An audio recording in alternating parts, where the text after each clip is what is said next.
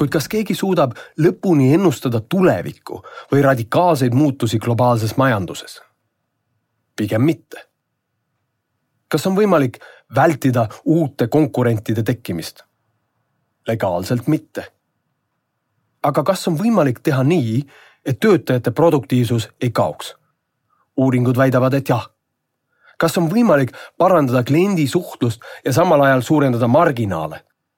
jah kas on võimalik vähendada tööjõu voolavuse, töötajate haigestumise ja vähese pühendumusega seotud igapäevast kahju rahas, moraalis ja maines? kindlasti. mäletan seika ühe jaemüügiettevõtte konverentsilt. auditooriumiks enam kui kuussada kassapidajat.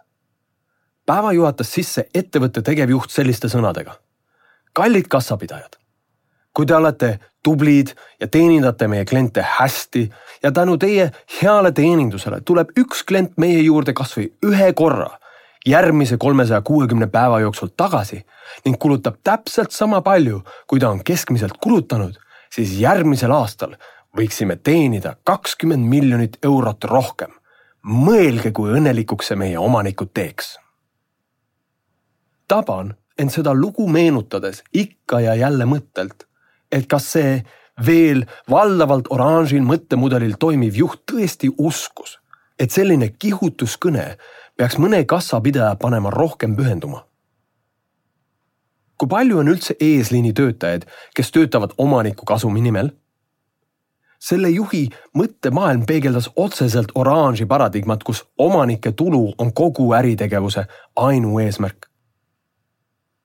Rohelisest paradigmast lähtudes on kasum vaid üks eesmärke paljudest, kuna mõistetakse, et see on automaatne tagajärg, milleni viib teatud tüüpi mõtlemine.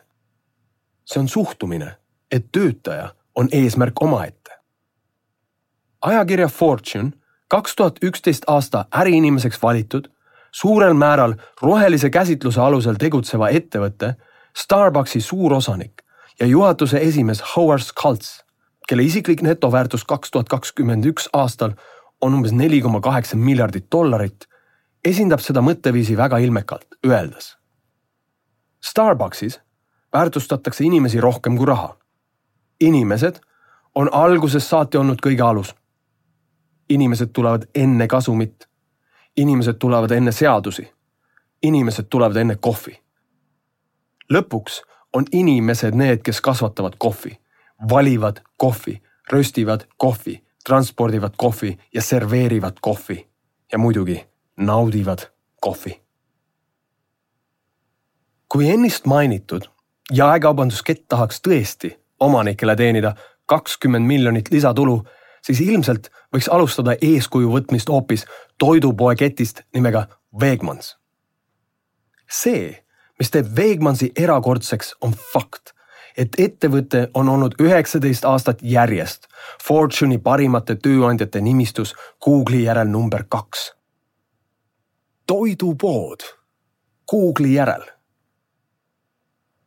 oma uurimustöös raamatu Firms of Endearment tarbeks avastasid autorid, et sektori suurimat kasumit tootvad organisatsioonid on enamasti ka parimad tööandjad. sama kehtib Wegmansi puhul ettevõte meelitab parima tööandjana turult kokku kõige andekamad ning tööjõu voolavus on kuus protsenti sektoris, kus see on tavapäraselt sada protsenti. püsikaader tähendab aga kordades väiksemaid kulusid ja palju suuremat kasumlikkust personali arengule suunatud tegevusteks. suur osa Eesti organisatsioone on aga surnud ringis. kui inimesi koolitatakse, kuid ei hoita, lähevad nad ära ning piltlikult koolitatakse seega konkurentidele paremaid töötajaid. kui inimesi aga mitte koolitada, lähevad nad ikka ära ning teevad ka madala kvaliteediga tööd. Wegmansi sarnased organisatsioonid kasutavad aga teist strateegiat. hooli personalist, arenda oma inimesi, loo parim tööandja bränd, mis meelitab turult kokku koorekihi ning siis ehita süsteeme, et neid inimesi hoida koolitatud ja hästi tasustatud ning juhitud inimeste ühistöö tulemusena tekib ka soovitud kasum. tagajärjeks ongi see, et Wegmansi käive on viiskümmend protsenti suurem kui turu keskmine teenides keskmiselt kakskümmend üks dollarit ruutmeetrilt rohkem kui konkurendid. seega, kui mainitud Eesti jaekaubandusketi juht tahaks tõesti rohkem teenida, tuleks alustuseks rohkem personalist hoolida. see ongi ratsionaalne emotsionaalsus. ei ole olemas suurepäraseid ettevõtteid. on vaid suurepärased inimesed, kes on võtnud tööle suurepärased inimesed, leidnud neile suurepärased kolleegid ja ehitanud sedasi suurepärase sisekliima, mis on aluseks suurepärasele sisekliendi teenindusele, mis peegeldub suurepärases klienditeeninduses, mis kokku loob ettevõtte, mille kohta majandusanalüütikud ütlevad suurepärane